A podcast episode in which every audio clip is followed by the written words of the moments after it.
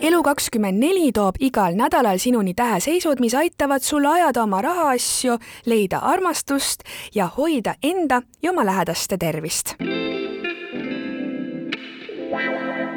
tänases podcastis kuulete, mida tähed sul uueks nädalaks ennustavad. lõvi suhtes on nüüd otsustav moment, kuid neitsi võiks ühendada jõud teistega. aga nüüd kõigest lähemalt, head kuulamist jääraenergia kasvab sel nädalal üha enam, kuid parim saab olema alles pühapäev ja sellele järgnev uus esmaspäev, mil su võimed on tipus.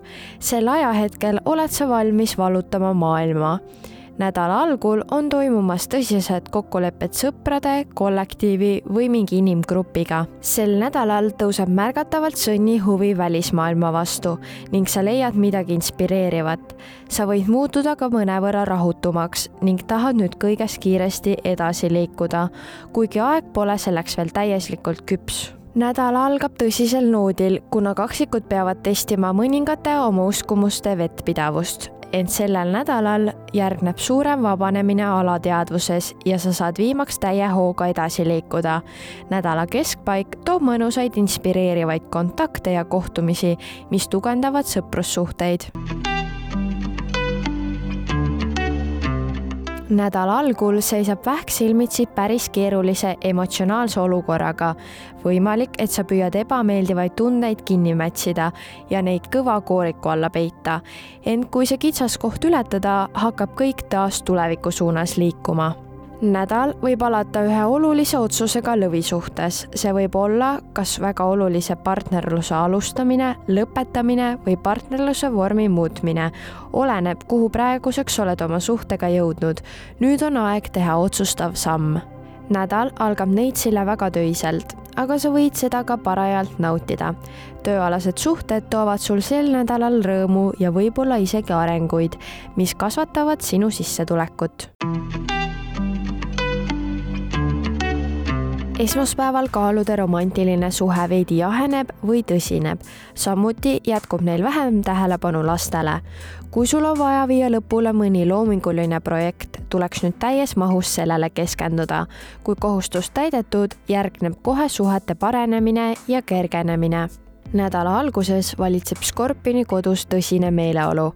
võib-olla vajab miski kodus tõsisemat tähelepanu ja vastutuse võtmist. seejärel toimub partnerist teatav vabanemine ning sa hakkad taas kiiremini edasi liikuma esmaspäeval on hamburi mõtted veidi rasked ning eneseväljendus blokeeritud tundub, et sa tegeled oma peas ühe olulise küsimusega, ent asi laheneb kiiresti ja juba nädala keskpaigas naudid sa oma loomingulist väljendust, romantilist suhet ja lastega tegelemist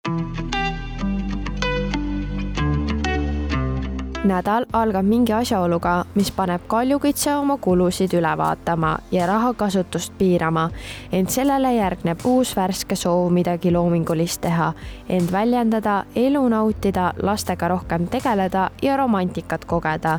just kodu pakub sulle praegu suurt tuge suurim kosmiline fookus on nüüd veevalaja peal ning nädal algab teatava enesekriitikaga elu justkui testib, kas oled õppinud enda armastama või mitte. sa pead küsima, miks sa endaga nii karm oled olnud.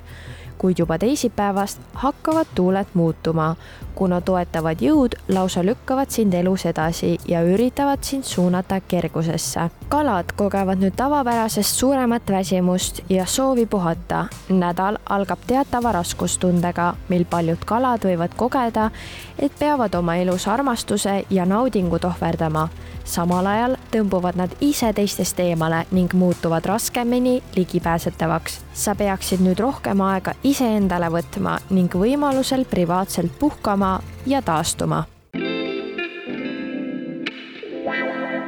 Sel nädalal tõotasid tähed eriti uimast nädalat kaladele, kuid veevalajad on ees ootamas uued tuuled. ära jää ilma iganädalasest Elu24 horoskoobist, pane like ja follow meie sotsiaalmeediakanalitele ja telli digitellimus juba täna järgmine kord vaatame lähemale, mida toob jaanuari lõpp ja veebruari algus tähemärkidele.